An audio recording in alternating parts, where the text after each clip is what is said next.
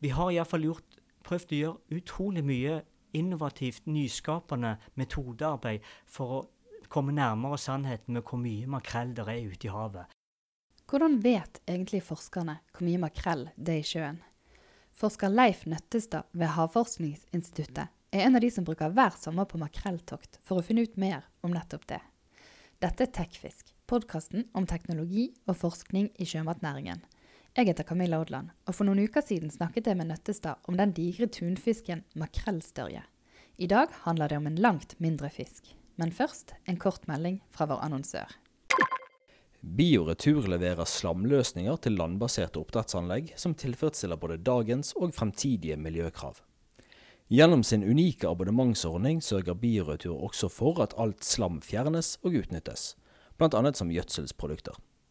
Gå inn på nettsiden bioretur.no for å lese mer om dem. Makrellbestanden har jo òg eh, hatt en historisk utvikling fra rundt 2006 og fram til ca. 2014-2015. Eh, så egentlig en historisk høy utbredelse og bestandsstørrelse, men nå ser det ut som at eh, bestanden kanskje er på vei noe tilbake. Fordi vi har hatt, det, det tyder iallfall på de dataene vi har nå, at uh, rekrutteringen har vært litt dårligere nå de siste tre årene. Og vi har jo òg et veldig stort eh, internasjonalt fiske etter makrell. Vi har jo vært oppe i 1,4 millioner tonn med makrellfangster internasjonalt i 2014, og ligget over 1 million tonn de siste årene. Eh, og det ligger jo to til tre ganger over det vi hadde bare for kanskje ti år siden. Så, så fangstene har jo økt kraftig, og det har jo òg ført til at verdiskapningen i makrellfiskeriet har jo blitt eh, formidabelt. Og det har òg kommet norske fiskere til gode. Men du sier rekrutteringen har vært dårligere. Har dere noen teorier om hvorfor det? Eh, ja, den, det er et vanskelig spørsmål. Eh, sannsynligvis så har, eh, har, de naturgitte forholdene, spesielt i sør, altså Spania, Portugal, Frankrike og videre nordover, vært, eh, ser ut til å ha vært dårligere for gyting av makrell. Men det vi har sett òg, det er det at vi ser ut som vi har veldig gode eh, forhold for gyting nå i, eh, i, Nordsjøen og i Skagerrak og, og kanskje òg oppe i Norskehavet. Sånn at vi ser jo nå at vi har mye ungmakrell langs hele norskekysten og inn i fjordene som vi faktisk aldri har sett tidligere. Så det kan tyde på at gytingen av makrell har skiftet fra mer sørlige områder og nordover. Så nå ikke bare har vi voksne makrell i store mengder, men vi får òg mer og mer ung makrell, altså fra nullgruppe, egentlig fra yngel, lavere yngel som vokser opp i våre farvann. Så det er en helt nytt regime. Men i 2016 var det sånn at dere kanskje gikk glipp av store deler av makrellbestanden når dere skulle telle de. Hva skjedde der? Nei, det er sånn at uh, vi gikk vel egentlig ikke glipp av, men du ser at uh, makrellbestanden den blir målt nå med fire ulike fiskeriuavhengige bestandsindekser som vi følger. Og en av de er det makrelleggtoktet som har gått siden 90-tallet. Eh, hvert tredje år. Og det var det eneste vi hadde fram til 2013, faktisk. Uh, og det mener vi i Norge og på Havforskningsinstituttet er et relativt uh, usikkert uh, kort. de gir usikre estimater, og, og, og derfor så trakk jo Norge seg ut av dette for noen år siden. Nå er det mulig vi blir med, nå blir vi med til neste år for å prøve å styrke dette. men det, Problemet, utfordringen her, er at vi har en bestandsindeks fra makrelleggtoktet som viser nærmest et historisk lavt gytebestand av makrell, mens vi har et tråltokt som nærmest viser det diametralt motsatte, nemlig historisk høy makrellbestand. Og Når du putter disse to indeksene inn i en bestandsberegningsmodell, så får du utrolig sprik. Så hvordan skal modellen på en måte tolke dette? Jo, for det første så blir det nærmest en sånn uh, dårlig middelvei. Uh, for begge to kan ikke være sanne samtidig kan ikke både ha en høy makrellbestand og en lav makrellbestand samtidig. Uh, og vi mener da at, uh, at uh, kanskje i forhold til vektingen, så er det nok sånn at vi har mer tiltro til dette tråltoktet enn vi har til eggtoktet. Men i modellen så blir de nærmest likt vektet. Og det fører til at det, altså, estimeringen av gytebestanden blir relativt lav. Uh, kanskje i, i, overkant lav i forhold til den reelle mengden der ute i havet. Så, så det er det, men det som er viktig å si, jo, dette er et internasjonalt arbeid. Det er mange land involvert. Dette er store bestander som svømmer over mange forskjellige økonomiske soner. Og det gjør at uh, vi er avhengig av at ikke bare Havforskningsinstituttet gjør jobben sin, men at alle landene gjør jobben sin og prøver å, å finne de beste estimatene og gjøre en bedre og bedre jobb år for år. Men når toktene da gir forskjellige svar, sier det noe om hvor sårbare metodene er, på en måte?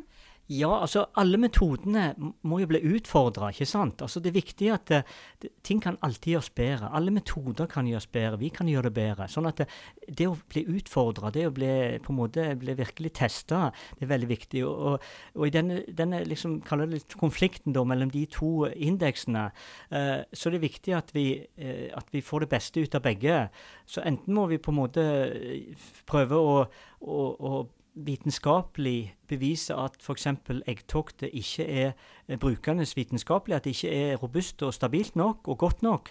Eh, eller så må vi prøve å styrke det eh, ved å gå inn, eh, som Norge vil gjøre vi, gjennom Havforskningsinstituttet til, til, til, neste år, for å se om vi kan se denne forflytningen av uh, gyteområder, bl.a. Så, så men det fører til stor usikkerhet i bestandsestimatene når man har så sprikende eh, bestandsindekser og tidsserier.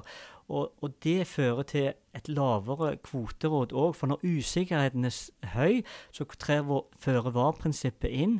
Og det fører til at uh, da blir ofte kvoterådet fra ICS lavere. Så dette er, dette er, en vanskelig materie. Men det som er positivt her, det er at nå fra, fra å gå fra én fiskeriuavhengig indeks kun eggtokt i 2013, så har vi nå fire indekser. Det er gjort formidabelt arbeid. Og Havforskningsinstituttet har stått for to nye av disse indeksene. Det er tråltoktet, som vi starta med i 2006-2007.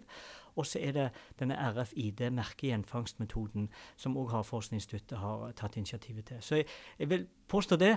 Vi har iallfall prøvd å gjøre utrolig mye innovativt, nyskapende metodearbeid for å komme nærmere sannheten med hvor mye makrell det er ute i havet. For det er veldig viktig å finne ut. Så fiskerne kan stole på kvoterådene som dere kommer med? Ja, nå er det ikke Havforskningsinstituttet som kommer med kvoterådene. Vi, vi er en del av ICS-systemet. Og det var det som jeg sa innledningsvis her, at vi er et internasjonalt samfunn, og vi må gjøre hverandre gode. Uh, så jeg, jeg syns vi gjør en uh, god jobb på Havforskningsinstituttet. Men det er klart vi kan alltid bli bedre. Men vi er avhengige av å være sterke sammen med de andre nasjonene, sånn at vi får best mulig data og best mulig rådgivning og best mulig forvaltning, sånn at fiskerne kan få ta ut det som rettmessig skal tas ut av en bestand. Og Hvilke planer har dere for årets eh, makrelltokt? Vi har store planer. De blir større og større, har jeg inntrykk av. Det som er nytt for året nå, det er at uh, Danmark blir med uh, på dette toktet, uh, trolltoktet for første gang. Så nå er vi oppe i seks store fartøyer som skal dekke et område på det blir vel over 3,5 millioner kvadratkilometer. Nå skal vi òg dekke Nordsjøbassenget. Sånn at eh, nå skal vi òg prøve å dekke, få kartlagt ungfisken av makrell. Og Det gjør at eh, vi kan få etablere en, en enda bedre tidsserie med, over et enda større område om sommeren. Så vi ser fram til det. I tillegg så mengdemåler vi òg uh, uh, NVG-sild og, og kolmule på dette toktet. Så dette begynner å bli faktisk et av de virkelig store internasjonale toktene på verdensbasis. Skal du selv være med? Ja, jeg skal være med. Jeg har vært med alle år. Eh, om sommeren. Det er ikke alltid like populært på hjemmebane å, å, å, dra ut midt på sommeren, midt i fellesferien. Eh, så, så, det bør fiskerne få med seg, at vi ofrer veldig mye for at fiskerne skal få, få gode kvoter. og, og vi, vi, vi, står på, og jeg syns dette her er utrolig spennende, det er utrolig viktig. Og vi kan alltid bli bedre, og jeg tror dette her eh, blir spennende. men så det er òg viktig det at fangststatistikken er riktig, og at uh, naturen spiller på lag og gir god rekruttering. Det er det, som gjør, det er det som gjør at vi kan ha eh, veldig veldig gode fiskerier på, på alle artene, egentlig. Ja. Og Hvordan er det å være på makrelltokt midt på sommeren? Det er jo fascinerende. Jeg elsker å være på havet. Altså, Man er jo ute i selve naturen. Man får oppleve selve livet. Alt ifra sjøfugl og sjøpattedyr, hval og delfiner i overflaten. og så, og så alt det spennende som er i havet, fra makrell og makrellstørje og sild og kolmulig dyp og plankton. Og det er så mye fascinerende i havet at det, alle må jo bare komme seg ut på havet. For det er bare helt utrolig å se livet utfolde seg der ute. Og så er det jo òg det at det er jo veldig viktig mat for en voksende eh, menneskelig populasjon. Sånn at eh, vi må vikt, Vi har en viktig oppgave å gjøre med å finne ut hvor mye fisk det er i havet. Og, så det er både fascinerende, viktig, men utrolig gøy. Tusen takk skal du ha. Bare hyggelig. Du har nå hørt på Tekfisk, podkasten om teknologi og forskning i sjømatnæringen. Sjekk gjerne ut nettsiden vår òg, tekfisk.no.